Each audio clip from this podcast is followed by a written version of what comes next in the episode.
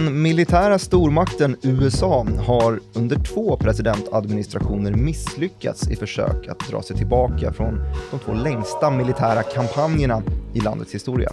Kampanjerna de har förts med krutdurken Mellanöstern som skådeplats och förevändningen det har varit jakt på terrorister och massförstörelsevapen. Men är det verkligen så enkelt? Samtidigt som söktermen World War 3 trendar på Twitter ställer vi oss frågan vad det militärindustriella komplexet är för något. Om det eviga kriget är en ofrånkomlighet, varför upprustningen av världsmakterna nått sin högsta nivå sedan det senaste världskriget tog slut och vilka det är som vinner på den ökade hotnivån, inkluderat svenska bolag. Det här det är ju Follow the Money. Det är en podcast där vi snackar makt, storfinans och svenska börsen. Jag, jag som pratar heter Martin Nilsson, jag är studioankare och programledare på Nyhetsbyrån Direkt, Nordens ledande nyhetsbyrå inom ekonomi och finans. Och med mig har jag Nyhetsbyrån Direkts utrikesredaktör Joakim Rönning. Tjena! Hej du! Eh, om jag börjar med att säga Qasim Soleimani, säger det dig något då? Ja, det gör det. Ja, vad då för något? Det har ju varit eh, den stora världsnyhetshändelsen den senaste veckan, skulle jag säga, hans död. Mm. Eh, Donald Trump bestämde sig för att eh, bomba ihjäl honom. Mm.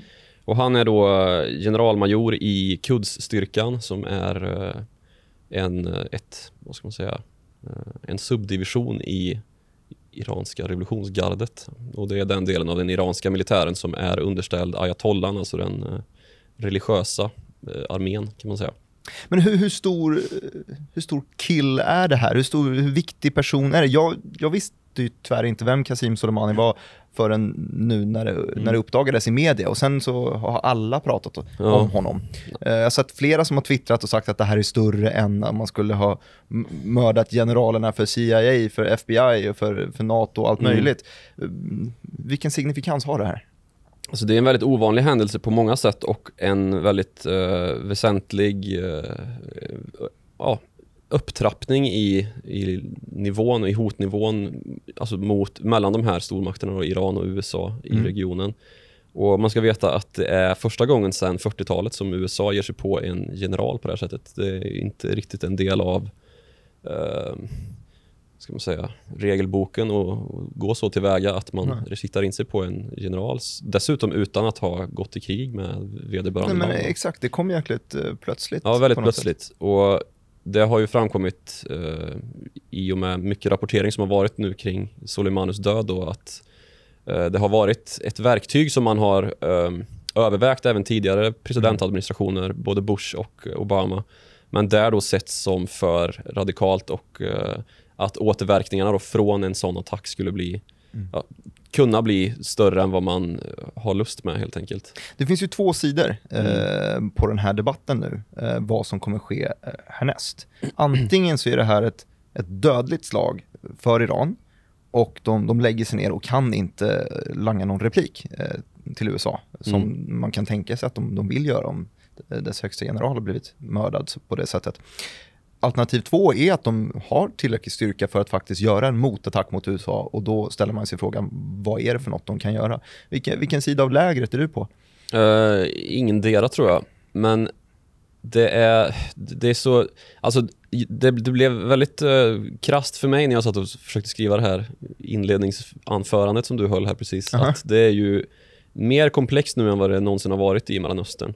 Mm. Och i grunden för det ligger ju Syrienkrisen, Syrienkonflikten. Mm. Och därigenom så har det ju då maktvakuum har förskjutits fram och tillbaka. Uh, allianser har bildats, allianser har spruckit. Fiendens fiende, vems vän, undrar man till slut. Mm.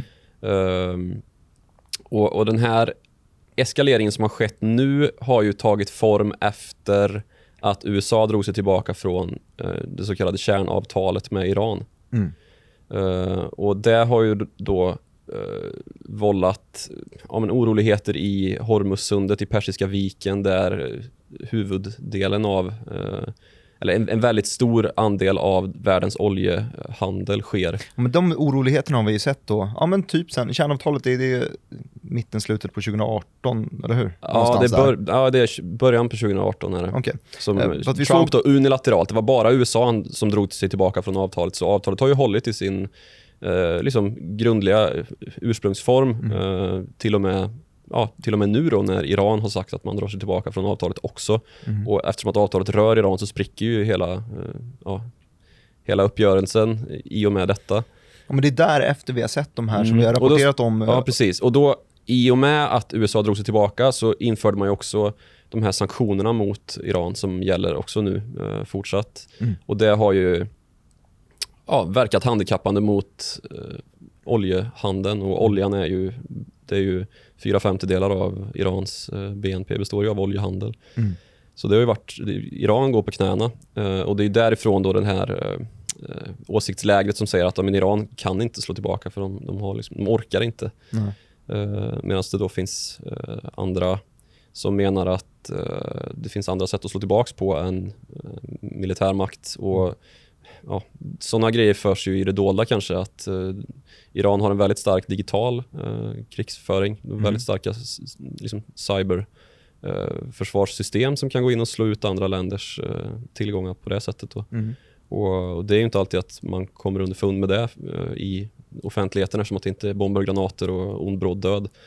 Eh, I bästa fall i alla fall. Och, Ja, det det dyker är ju upp senare säkert. i någon, eh, någon form av visselblåsare som säger är vi tappade den här och den här Ja. sekretessbelagda informationen till Precis. den här aktören. och det kanske vi inte får reda på förrän om ja, någonsin. Eh, så vi får väl se om det smäller eller om... Det är det alla sitter och väntar eh, på nu, i alla fall ute hos oss på nyhetsdesken, att eh, när kommer nästa, nästa liksom röd flash på att ja, Nu händer någonting. ja, men ambassaden i Bagdad eller någonting dylikt. Mm. Och amba ambassader, amerikanska ambassader har ju alltid varit eh, mål för ja, terrorrörelser och eh, fiender i Mellanöstern. Det Mm. har vi ju sett i bland annat Benghazi i Libyen. Men de har inte kallat hem några, några ambassadörer eller något sånt Nej, där? inte ambassadörer tror jag, men de har ju kallat hem civil personal ifrån eh, Irak. Mm.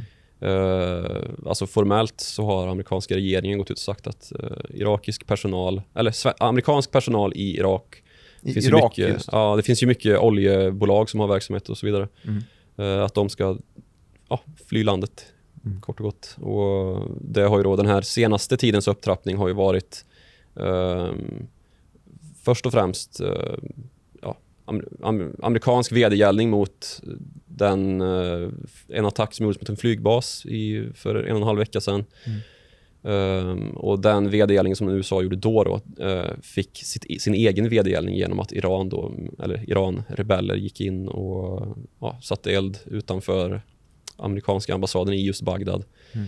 Och det är, som sagt, det är en rörigare konflikt än någonsin nu i Mellanöstern. Eh, för att det är inte bara en konflikt och det är så många läger och för... eh, Men det känns som att det hela tiden kommer någon, någon ny brasa Mm. som börjar Man- brinna innan den man- tidigare har hunnit slockna ens. Ja, och man vet inte vem som, vem som är med vem och så vidare. Mm. Och Irak och Iran, var inte de i krig med varandra för 20-30 år sedan? Och jo, det var de. Men då var det ju en, en, helt, annan, en helt annan spelplan med Saddam Hussein som förde anfallskrig liksom, mot grannländer. Men kan vi inte backa bak till, Mm. till, till det där? För där sa du någonting viktigt, för det känns ju som att du det här området har varit eh, krigsdrabbat under hela min vakna Ja, tid på, på jorden, känns det Ja. som. Eh, om vi backar bak i alla fall i modern historia, hur har det sett ut? Vil- Vilka typer av krig har vi haft? Ja, men vi kan väl börja med, eh, om vi- vi sp- spolar tillbaka banden till Saddam Hussein. Eh, Så gick ju han in i Kuwait, grannlandet Kuwait, Mm. eh, 1990-91. Mm. Vilket då fick som följd att ja, Operation Ökenstorm eh, under Just den första George Bush, eller den första George Bush, den, den äldre George Bush, alltså George Bush som eh, vi lite yngre förmågor minns som Förmågor till och med. George W Bush, hans pappa var det alltså då som gick in Mm, just det. eh, och tog eh, Kuwait i försvar då eh, med, och upprättade ganska stora baser i Saudiarabien. Mhm. Eh, och där, där har vi ju en del av allians, eller en, en av orsakerna till USAs starka ställning i, i Saudiarabien. Eh, att man har haft eh, ja, oljeintressen i, i Saudi i Mm. många herrans år. Så då, då har man... Men var det oljeintresse som man sa när man gick in i det? Nej, man, man hade väl... Saddam gick ju in av oljeintresse. Ja, just det, så var det. Mm. Eh, och, så ja, det kan man väl säga att det var USAs eh, bevekelsegrund för att föra krig mot Irak så var det det. Men man Mm. stoppade ju vid gränsen. Mm. Det, var inte, det var inte säkert på den tiden ens att man skulle göra det, men så blev fallet. Man stoppade vid gränsen, eh, alltså Kuwaits gräns mot Irak. Mm. Eh, och det blev ingen, ingen liksom fortsättning på det kriget. Det var en rätt kort kampanj Mm. Eh, som sen då följdes upp av George eh, Bush den yngre, alltså hans son. Eh, Men då snackar vi War on Terror, eller hur? Efter 11 ja, september. eller det var väl det man hävdade i alla fall, att det var att Irak och Saddam Hussein hade massförstörelsevapen. Mm. Trots att man egentligen visste att så var ju inte fallet. Um, och där kan vi väl spåra upp, det är ju ganska logiskt att oljebolagen är ju väldigt betydande i den här utvecklingen Mm. och att USA har ett sånt oerhört behov av olja Mm. och har haft genom historien. Inte Men- lika mycket men- nu längre nej, eftersom att man har kommit upp eh, och har en väldigt hög olje. Nu är man ju nettoexportör till och med av olja. Mm. Så var det inte på den här tiden, bara, eh, ja, nu är det väl snart 20 år sedan. Men, Mm. ehm, ja, och, och det kriget det sammanföll ju med eh, War on Terror såklart. Och Mm. man, man ja, stipulerade ondskans axelmakter Mm. där Irak då var, var en av dessa.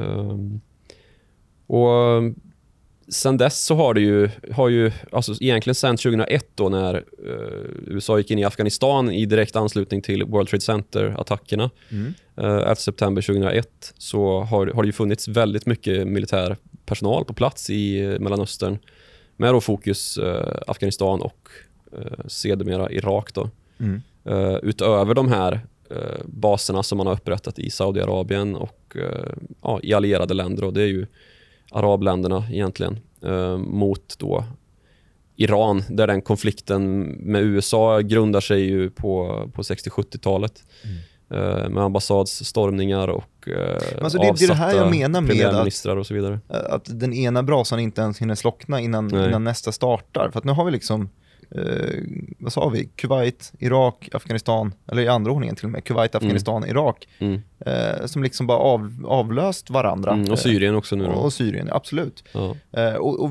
varje sån här konflikt har ju många år eh, att, att avveckla eh, eftersom att man sätter dit så pass mycket personal som bygger upp baser som verkar där. Vi har ju, eh, om vi snackar Afghanistan så har vi ju fortfarande svensk militärpersonal under FN-flagg antar jag, Mm. som, som är där nere. Ja, det var även- även i, i Irak ju.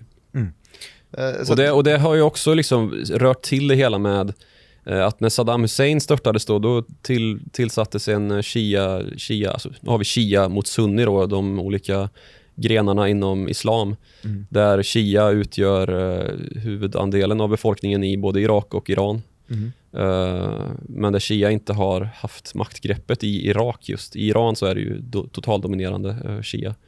Ayatollorna är ju shia-muslimer. Mhm. Och eh, så har vi då i Irak en eh, liknande befolkningsandel men där, där, det- där det har varit lätt då av andra eh, islamska samfund. Och när Saddam Hussein föll så, så sattes en shia-ledare på plats Mhm. och då börjades eh, liksom en fördrivning av sunnimuslimer. Och där hade vi liksom, eh, orsaken till att IS eh, bildades. Alltså terrorrörelsen IS som ju var oerhört dominerande just i Irak och i, alltså i, i vad blir det, eh, sydvästra eller västra Irak och i Syrien ju. Mm. Ehm, och, och mot just IS så har ju Iran och USA faktiskt varit allierade. Det är ju Just lite absurt att tänka på att uh, Soleimani och eh, ja, amerikanska generaler har varit sida vid sida i den konflikten där man ska liksom ta... Och sen så pågår en annan brasa som Ja, inte riktigt är släkt säger jag för tredje eh, gången. Ja. När man då bombar, bombar sönder. Så det är ju en oerhört spretig och stökig konflikt vi rör oss i, mm. det här ämnet. Och den har ju gått upp och ner nästan som, som börscykler det här. Den Ja. trappas upp ibland och sen så verkar det som att den mattas av lite Mm. grann och sen så trappas den upp igen. Men nu verkar det ju som att vi onekligen är i en upptrappningscykel på- Mm. på något sätt. Mm. Eh, att vi, vi, som du säger, väntar på nästa röda flash eh, på att någonting har hänt helt enkelt. Nu hoppas vi såklart att det, inte, att det inte händer någonting, att det kanske bara dör ut av sig själv. Det vore väl väldigt skönt, men, eh, men det är på högspänn just nu i alla fall. Mm, definitivt, så är det ju. Ehm, du, om vi skulle ta och, eh, och, och snacka lite mer, lite närmare börsen det här då? Nu, nu har vi snackat lite grann om Qasim Soleimani. Har vi gått igenom det tillräckligt, vad, vad han har gjort egentligen? Ja. ja alltså vi kan väl nämna att han, han har då varit befälhavare. Han har varit befälhavare över den mest vapenstarka grenen av Irans militär och dessutom en gren som eh, opererar utomlands mm. eh, och som när terrorgrupper som Hezbollah till exempel mm. och Quds då står, det betyder Jerusalem på, på farsi. Mm. Eh, och där har vi lite grann vilka man krigar mot. Att I grund och botten så har ju det här väldigt mycket med Israel att göra. Mm. Uh, att man är antisionistiska i uh, Irans ledarskikt då, att man vill utplåna Israel från kartan. Det är så många olika burkar i den här. Mm, där har vi ytterligare en variabel. Vi kanske ja. ska stanna där, för det, det blir lite för uh, ner på detaljerna kanske. Det jag ville komma till i alla fall, eh, i hela det här, från, från eh, Qasim Soleimani, eh, det är liksom händelsen som, som är mest aktuell nu, att han har blivit mördad, eh, bombad och USA har tagit på sig det. Backar vi bak lite i historien, vi har, vi har, sett samma typer av konflikter, i alla fall i samma områden. Eh, mycket det som har varit gemensamma nämnare har varit just eh, jakten på, på terror, eh, på, på olja. Um, och i viss mån knark kanske i, eh, mm. i Afghanistan har det alltid varit en, om vi snackar om fler variabler så har ja. det varit en liten parentes Verkligen.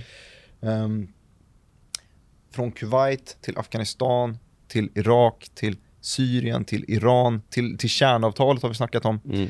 De här upptrappningscyklerna, om man kopplar dem till börsen, då har vi ju ett gäng om man, ett gäng företag som, som tjänar på på att krig förs, mm. såklart. Mm. Eh, alltså industrier är ju som, som, som alla industrier, att säljer man saker så tjänar man pengar. Det finns ja. Eh, företag som säljer eh, materiel som man använder vid krigsföring. Och då kommer man till ämnet som vi diskuterade lite grann. Det var superintressant när du tog upp det här om det liksom, uh, the military complex, uh, mm. kallar du det. Kan military du, kan, industrial complex. Till och med? Till och med. Eh, går, det då... går det att hisspitcha den? Förra gången jag bad dig hisspitcha oh, någonting ja. så var det 17 minuter ja. eh, lång. Då var det också i samma del, då var det Saudiarabien, det var ju oljeavsnittet. Ja, men, men The Military Complex, i, i korthet, vad, vad, är det för någonting? Det är då, eh, det, är en, det är ett begrepp som är myntat av Dwight Eisenhower, en gammal president. Mm. Så han sa, pratade om det här i sitt eh, avgångstal 1961. Han är en gammal andra världskrigsgeneral. Mm. Uh, republikan som... Uh, Vänta, 61 sa du? Ja, 61. Så tar vi alltså, det kalla världskriget tog, försvann vid, vid 45 och därefter ja. hade vi lite Korea kanske. Lite Korea och så ett kallt krig. Ja, kalla kriget är ja, på sin höjdpunkt nästan. Ja, vid 61. Ja, och vad var det han sa? Ja, han sa att uh, vi får akta oss för att, nu har jag inte den direkta översättningen eller direkta citatet där, ja mm. det är kass. Men uh, han sa att vi får akta oss för att göra krigsindustrin för stark och för att landet blir för beroende av krigsindustrin i fredstid. Mm. För om det blir så så kan vi i förlängningen hotas då av eh, just den samma krigsindustrin. Eh, demokratin liksom kan sättas ur spel av en för stark krigsindustri i fredstid. Exakt, för den vill ju ha någonting att göra. Den kostar ju otroligt mycket pengar om ja, man sitter där. Precis. Och den kostar också väldigt mycket pengar för samhället om plötsligt en stor andel av befolkningen blir arbetslösa för att det mm. blir fred. Mm. Det är också väldigt svårt för ett samhälle, en ekonomi att klara av mm. en plötslig chock arbetslös, vilken, hur man hanterar den. Ja, så det är, det är ett fenomen liksom som han beskriver där. Och det, han är inte den första som, som har tänkt på det eller som har pratat om det, men han var den första liksom officiella på högre nivå och ofta när man pratar om the military industrial complex så pratar man om det som någonting som myntades av Dwight Eisenhower. Då. Mm. Uh, och han har väl uh, i vissa fall uh, feltolkats och vantolkats. och liksom, det har också blivit lite av en så konspirationsteorirörelse, ungefär som att Ja, men det kan jag förstå. Det är väldigt nära ja, konspirationsteori. Men att, att vapenlobbyn då är direkt, att det är de som bestämmer över världen i princip. Aha. Det är ofta där landar ju att det är någon grupp som bestämmer allt. Den här vaga vapenlobbyn. Ja, alltså. precis. Och, men det är ju det är ungefär lika, lika relevant som, eller rimligt som att säga att det är judarna som styr. Liksom. Det, det, det är också en annan typ av ful konspirationsteori som, mm. som ofta närs på eh, de, de, de kan näras i samma forum om man säger så. Ja. Men det, det, vi ska ju för, försöka hålla oss borta Ja. från konspirationsteori, men Precis, det- gränslandet mellan nyheter och konspirationsteori, Ja, men det, är men det tål faktiskt att vägen. nämnas att det, att det just, det är liksom ett, det är väldigt eh, svår materia att, att Mm. diskutera. Eh, just för att det, en del grejer finns det belägg för, men man ska akta sig för, att gå för långt in i liksom att, eh, att det är på ett visst sätt eller på ett annat sätt. Men då har vi i alla fall gett en, gett en konspirationsdisclaimer för det military Ja, complex. precis. Då dyker vi rätt in och tar kallsupen. Men military complex, om vi snackar i korthet, var ju då helt enkelt att ehm, problemet att eh, när det blir plötsligt fred så, så är det väldigt problematiskt att ha en krigsmakt. Ja, precis. Att, att, eller i alla fall att ha en stor krigsindustri som ju är privat Mm. eh, ägd. Alltså de här bolagen, varav fem av de sex största i världen eh, är amerikanska, också finns på börsen. Eh, Ja, det är lurigt också. det, det, är ju liksom, det är ju där i grunden ligger då att då finns det ju en eh, makt som någon, en vapenmakt som någon styr över och bestämmer över. Mm. Eh, det ska ju vara regeringen. Men om, om de privata bolagen går in då och påverkar eh, med sin kapitalstyrka och eh, liksom nästan legalt konspirerar med politiker i kongressen då om Mm. att nu behöver vi öka försvarsanslagen. Eh, det är där någonstans, eh, det är där gränslandet konspiration versus fakta Just ligger. det, Då. och det är där konspirationsteoretikerna säger att nej, men staten vill ju gå i krig för att Precis. bolag X kommer tjäna på det. Just det. Mm. Eh, och det finns då en förlängning av det här Military Industrial Complex som också inkluderar kongressen. Uh, MICC kallar man den då, Military Industrial Congressional Complex. Inte Dwight Eisenhower som kom på. Det var det inte, eh, men han, han nämner det lite, lite närmare då att politiker får akta sig för att influeras av vissa typer av, eh, viss typ av lobbyism då, Mm. för att det kan tangera att man eh, ja, hittar hot som egentligen inte är hot kanske. Mm. Ehm, och att man liksom driver på en utveckling där det måste finnas en fiende hela tiden för att ekonomin ska vara kvar på fötter. Mm. Eh, och att, och att liksom krigstillståndet då som, eh, om det inte finns i realiteten så måste det skapas för att eh, ekonomin ska liksom ha, kunna, kunna liksom gå på någon typ av tomgång. Mm.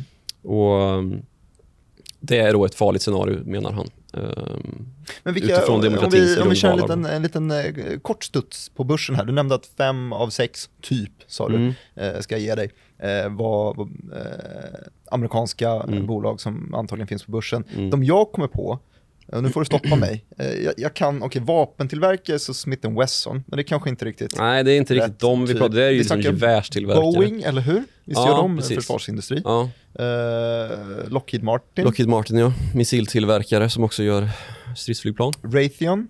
Raytheon, de, precis, de gör Mycket Eh, och nu drönare. får du nog hjälpa mig, kommer du på några fler? Ja, vi har en som heter Northrop Grumman som är eh, kanoner. Ja. Vi har General Dynamics, ett annat bolag som gör lite av varje. Mm. Och sen så finns det ju en, en lång, lång, eller stor uppsjö av bolag som ägnar sig åt det här med krigsindustriell, liksom, ja, men, som har förgreningar in i försvarsindustrin, Mm. men som kanske inte har det som primär verksamhet. Alltså som Boeing till exempel, de har väl runt 25% av sin eh, Och resten omsättning. är, är flygplan, Ja, resten är liksom eh, kommersiell. flygplan Mm. som störtar ibland. Och det de har gemensamt i alla fall är att de, eh, allt annat lika, eh, med allt annat lika brasklappen, alltså att det kanske inte blir eh, ett lokalt krig på just deras fabriksområde, skulle kunna sälja mer produkter om det blev en upptrappning i en konflikt. Precis, allt annat lika så är det ju så. Ja. Och inte bara liksom man får ju tänka på att ofta är det ju inte så att man behöver, alltså, för det är ganska tröga orderböcker när man pratar försvarsindustri. Gud, det vet vi ju om inte annat från, från Saab. Ja, Alltså att precis. Saab och JAS, liksom. det är en upphandling långa. tar liksom, kan ta tio år. Eh, men när man väl har sålt någonting, eh, och det kanske man har gjort för länge sedan, så, så ska det, liksom, det ska till ammunition, det ska till reservdelar och det ska servas. Och, så det finns en Ja, eftermarknad gud, ja. som är väldigt stor. Mm. Eh, så just det här allt annat lika, det är ju då, ja men Får behöver man en liten sån här så- triangel när man sitter i sitt JAS 39 Gripen? Nu har du flugit dags för 200 service. mil, dags för service. Ja, Byt till dubbdäck? Nej, kanske inte. Nej, Nej. inte samma. Ja, spännande. Mm. Spännande med de, de bolagen. Ja, men just fem av sex är uh, de som vi har nämnt här. Sen så har vi B, BAE, eller BAE som vi säger här i Brittiskt. Sverige. Ja. Mm. Brittiskt, som uh, bland annat köpte upp uh, Hägglunds, uh, ba- bandvagnstillverkaren Hägglunds. Aha. Det är spännande. Jag tror att det är, du får rätta mig om jag har fel igen, men jag tror att det kanske är någon, någon gammal Hägglunds eh, liten bil man har kört i, i Försvarsmakten under lumpenår. Du är gammal soldat du. Ja, det är jag med. ja, Kul, Mm. har vi det att bonda över sen. kan vi göra. Ja. Nej, men eh, Sverige är ju faktiskt en betydande makt vad det gäller vapentillverkning Mm. och har varit så genom historien. Mm. Alfred Nobel eh, uppfann eh, Dynamit, eller dynamiten i nitroglycerin. Vi snackade om honom förra avsnittet också. Gjorde vi det? Ja, då snackade vi om eh, eh, hans Nobelpris och hur han det. inte Ja, eh, skrev in ekonomi i sin, sin, det. sitt testamente utan Mm. han tyckte inte det var tillräckligt sorts- vetenskapligt. Så det blev Nej. Riksbanken som tog Ja. det istället. Men det kan vi slänga åt sidan. Ja, för nu. Ehm, jo, och då i, i svensk form då så har vi ju haft Bofors i Mm. grunden, kanontillverkaren Bofors. Eh, och sen så har vi ju i dagar, våra dagar, eh, Mm. Saab Ja, primärt. gud ja. Mm. Eh, mycket ubåtar och grejer har Saab också. Ja, precis. Det är ju lätt att glömma. Kockum. Att Ja. man har eh, utöver då flygen, för det är ju det första man tänker på kanske, Mm. eh, JAS 39 Mm. Gripen. Eh, Men utöver det så har vi också en uh, ubåtstillverkning och just eh, ganska mycket radarflygplan. Uh, vad heter det? Global Eye? Ja, just det. Ett just flyg, det. flygplanstyp som uh, Ja. säljs. Jag vet att de har köpt lite, alltså jag vet Ericsson har ju varit i det där materielgrejen tidigare också, men Mm, jag tror att det. Det, är släppt och att kanske Ja, det köpte väl Saab upp till och med. Ja, eh, så. har jag för mig. samla allt på samma ställe. Ja.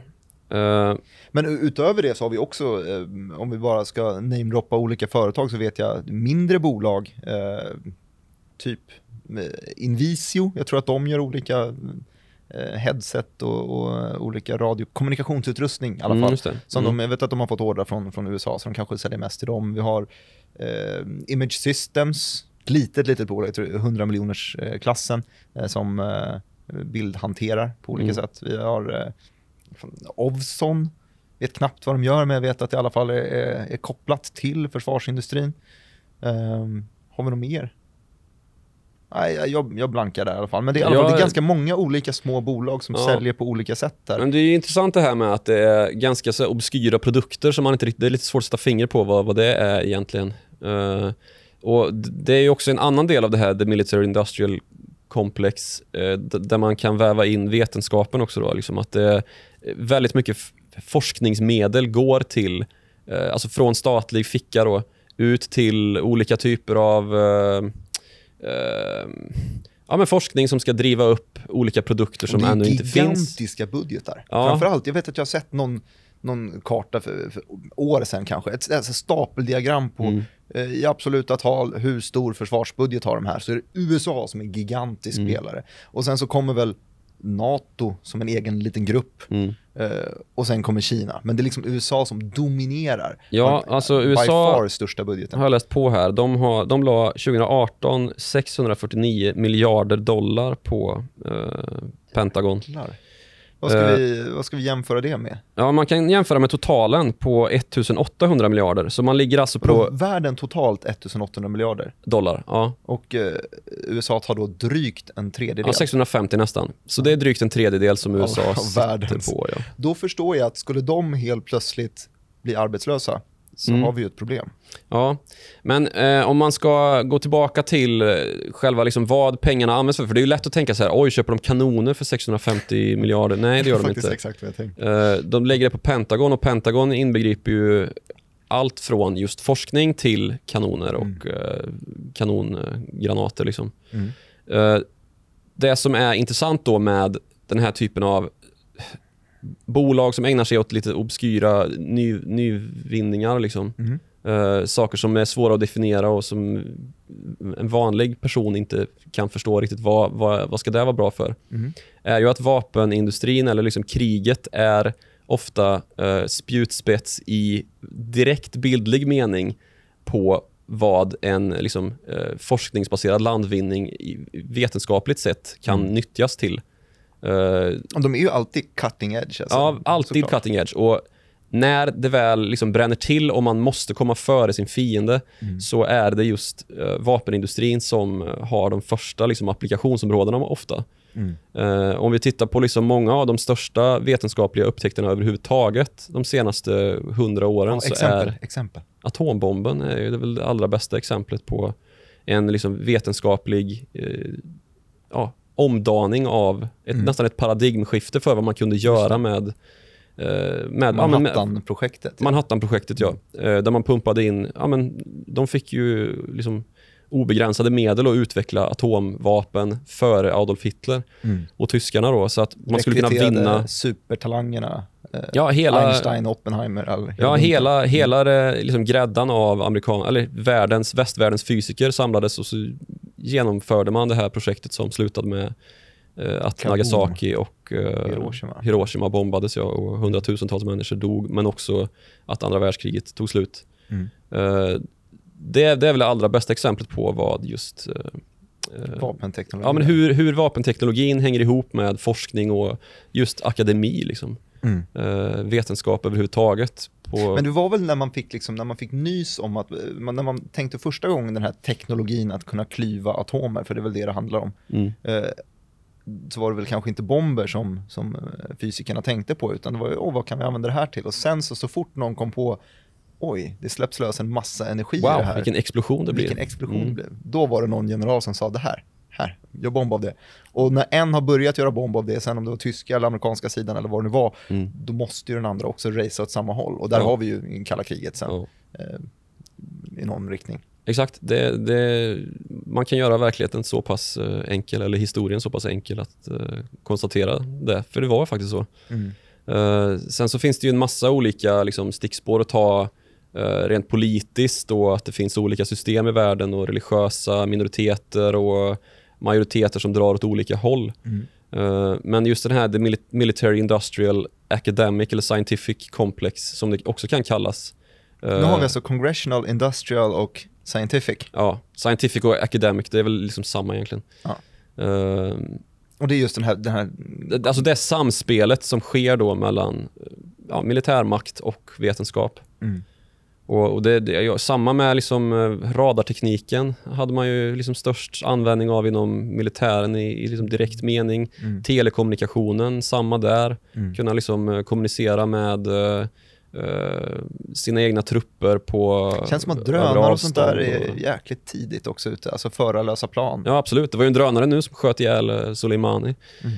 Och det, det är ju inget, det är egentligen inget konstigt just att eh, alltså våra nationalstater är ju liksom skapade för att eh, ja, men de är skapade genom krig i Mm. ganska stor utsträckning.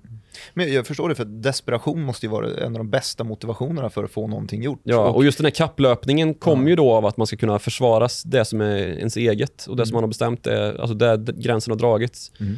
Och det avspeglar väl också lite grann alltså hela mänsklighetens liksom existensberättigande eh, och att, att man vill eh, kalla någonting för sitt eget. Mm. Eh, och, och att det är just därför man går ut i krig och det, det är därför som det här liksom kittet mellan vetenskapen och kriget har en ganska självklar Mm. eh, roll i historien. Mm. Och att de stora tekniksprången har inte sällan kommit i samband med att konflikter har eh, Eldat på utvecklingen. Ja, precis. Att vi hade liksom stora tekniksprång under första och andra världskriget. För hela den amerikanska i alla fall krigsindustrin är ju uppbyggd efter första världskriget. Mm. Eh, alla de här bolagen som vi nämnde, Lockheed och Northrop och eh, Boeing, det är ju bolag som bildades tidigt 1900-tal. Mm. Eh, och därefter Saab också då, för den delen, eller ganska tidigt. Jag tror att Ja, det var de bildas eh, under, 37 tror jag Saab bildades. snyggt. Läste jag jag tänkte förut. säga andra världskriget, men då är det ganska rätt ute. Ja, det blir det ju. Ganska litet. Ja. Och det var ju liksom på, på statligt, alltså regeringsinitiativ som eh, man startade Saab. Mm. Eh, just för att kunna konkurrera och ha liksom... Men ger det här incitament, tror du, till att man skulle att stater kan gå in och försvara sådana här om de håller på att gå i konkurs. Säg att vi får en riktig fredstid och sådana spelare som, som Boeing, som, som Saab för all del, eh, som Lockheed Martin, det börjar gå dåligt, de säljer ingenting. Mm. Är det någonting som stater kan gå in och rädda då tror du? På samma sätt som man räddar banker. Det är ju det man gör i princip. Eh, för det har ju inte alltid varit brinnande konflikter i världen. Mm. Inte ens efter andra världskriget så har det alltid varit en brinnande konflikt. Det har ju varit liksom låg, mer eller mindre intensiva eh, krig såklart. Och det är få amerikanska presidenter, om ens någon, som inte har haft ett, eh, ett krig att ta itu med. Eh, särskilt efter andra världskriget. Då. Vi hade väl viss liksom, stabilitet mellan världskrigen. Men efter andra världskriget så har vi ju haft i princip en oupphörlig eh, krigstid. Det är alltid krig någonstans i Ja. världen och eftersom att världen blir mer och mer globaliserad så har alla en tå i den här Ja, lite sörjan. så. Och att det har bildats allianser och NATO har vi till exempel. Och, Mm. eh, att det finns liksom allianser och motallianser i, i alla regioner i världen egentligen. Mm.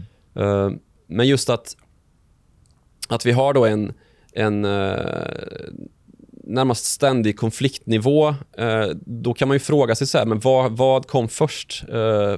Vap, vapnen eller kriget? Hönan eller ägget. Ja, och om, om det hade funnits krig i den här skalan, om vi inte hade haft en vapenindustri. Det är nu du ju och nallar på den konspiratoriska kakan här igen. Ja, precis. Och, och, och man ska väl inte grotta in sig i det alldeles för mycket, men den tanken växer ju eh, ofrånkomligen. Mm.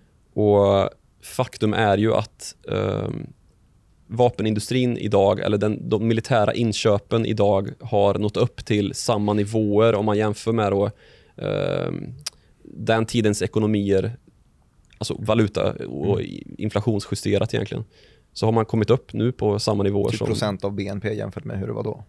Ja, ja men typ. Typ. Ja. Man, man, har, man har liksom kommit upp på i, i, i liksom absoluta tal på samma nivåer som man gjorde under andra världskriget. Ja. Och det är då de högsta nivåerna just sen andra världskriget naturligtvis. Eh, så så det, det är liksom den krassa Och det verkligheten har vi kommit lever upp till nu, nu. men jag, jag tänker nu att vi i början av någon form av upptrappning. Det skulle ju lika gärna kunna vara så att det här det svalnar av och att eh, Eh, Iran lägger sig platt eller att de kommer in med, med någon form av diplomatisk överenskommelse så att de kan tagga ner lite mellan USA och Iran då. Alltså. Men det är i alla fall väldigt aktuellt. Men det vi har snackat om nu är ju att de här konflikterna, de har eh, de har avlöst varandra. Vi snackade ju då först Qasim Soleimani som då är händelsen i, idag. Eh, eller i, i närtid i alla fall. Och sen så i modern historia så har vi snackat om krigen som, som Kuwait, Afghanistan, eh, Irak och Syrien, eh, kärnavtal. Eh, Vi har också gått tillbaka till Dwight Eisenhower som snackade om eh, the military complex. Eh, det var på tidigt 60-tal. Eh, och sen så eh, lite krig som är i anslutning till det. Där var ju kalla kriget som kanske inte var så mycket krig men det var ju väldigt, väldigt nära hela tiden. Och Upprustning, Ja. total upprustning i alla fall.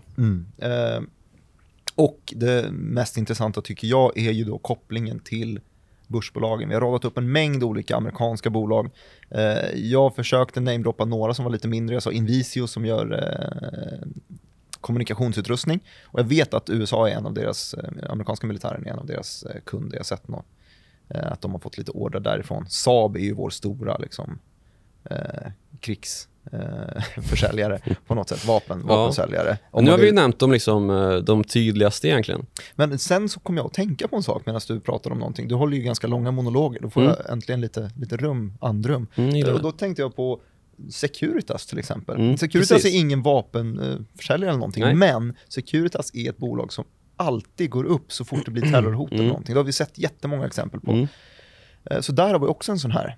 Eh, En spelare som Slamkrypare. slamkrypare som går bra i oroliga situationer. Mm. Det är lite det som är gemensamma nämnaren här. Saab går bra i oroliga situationer, i alla fall eh, Ja, defenses. Eh, och Securitas går bra. Vi snackade Invisio, Ovzon, Image Systems, Sensec.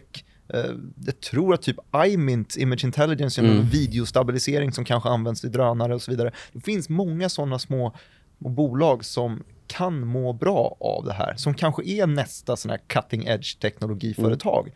Som, som typ atombomben exemplet, nu är det ruskig. Radar är ju är lättare att Mm. och, och koppla teknologiskt på något sätt, närmare i tiden om inte annat. Mm. Ehm, tror jag.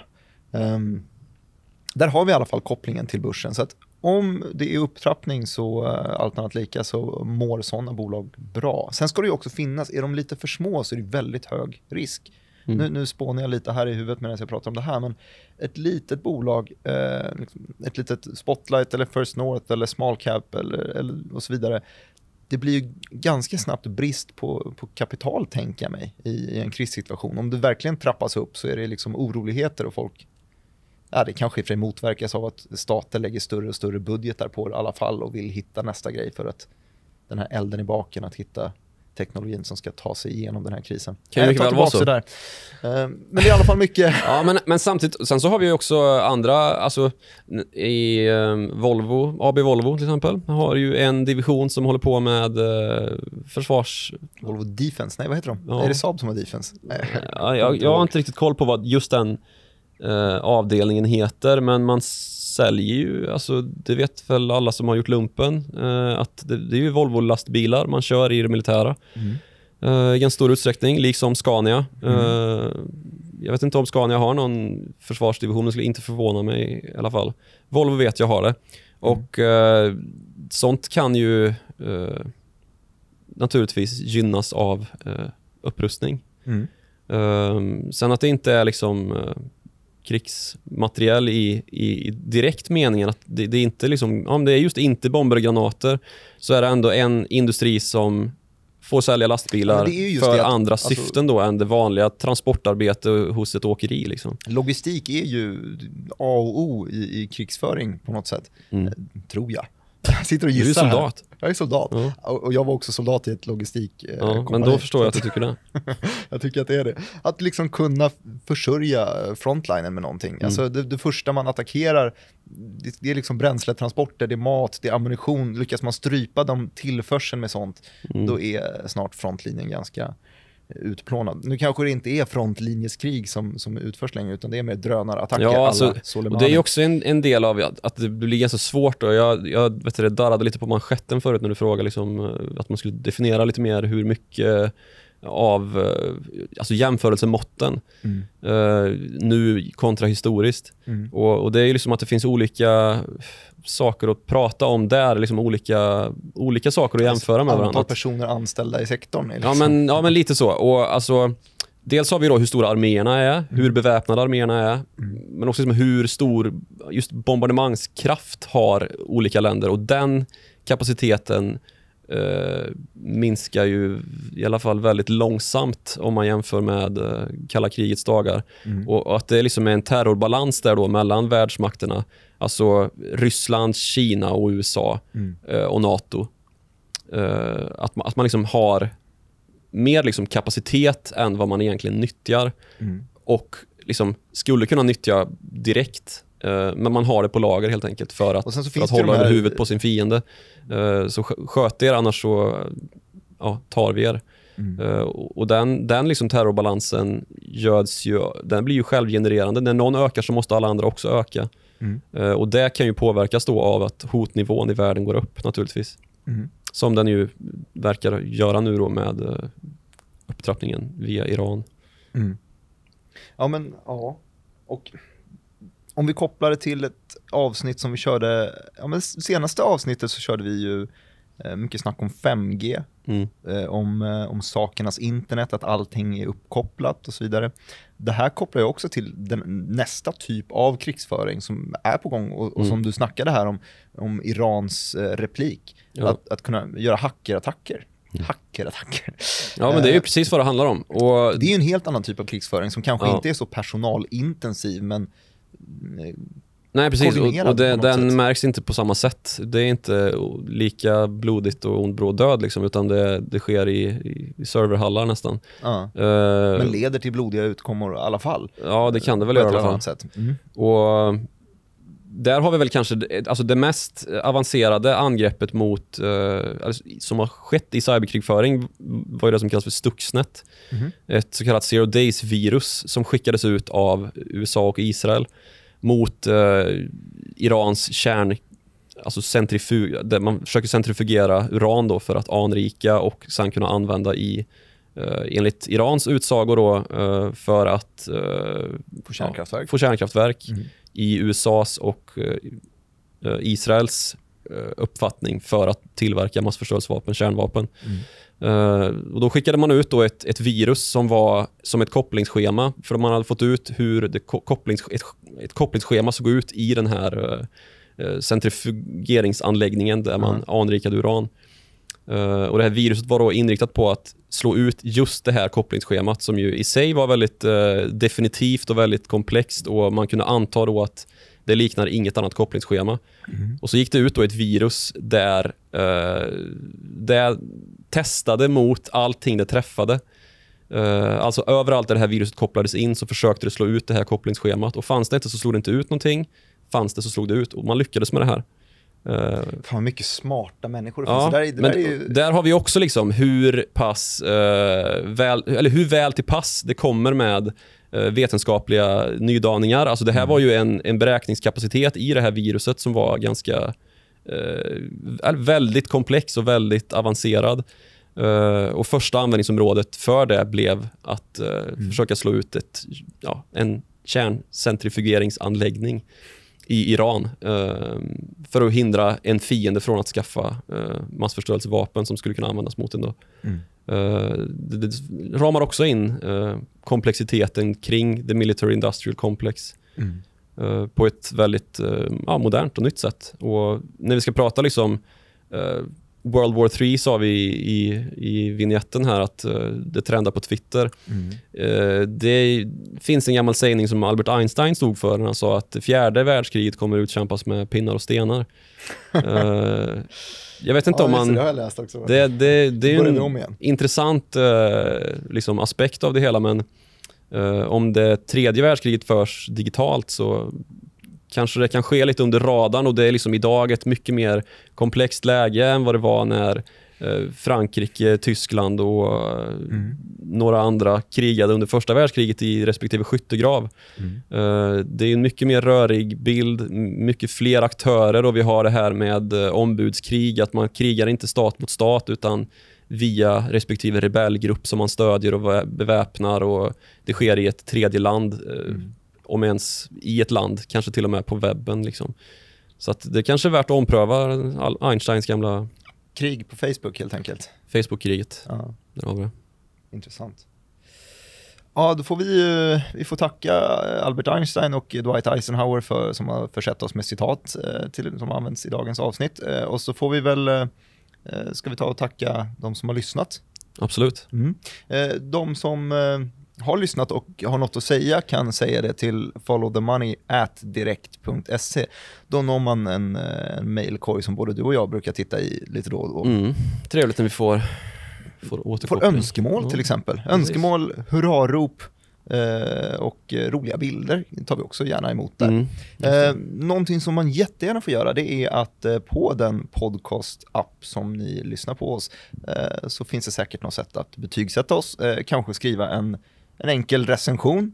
Det hjälper oss väldigt mycket. Mm. Eh, och det får också ni som eh, kollar via YouTube, det här sänds ju då eh, på de olika kanalerna, Spotify, det finns på eh, Apples podcast-app, iTunes, det finns på Acast, det finns på Podbean, det finns på äh, massa Soundcloud. olika. Soundcloud finns också på. Och då YouTube så finns det också bild på. Så ni som inte vill ha bild, ni slipper. Men ni som vill ha bild, ni kan gå in på Direkt Studio som är YouTube-kanalen. Där kan man också såklart, kommentarsfältet är öppet. Skriv eh, om ni tycker det var bra, skriv ämnen, förslag på ämnen.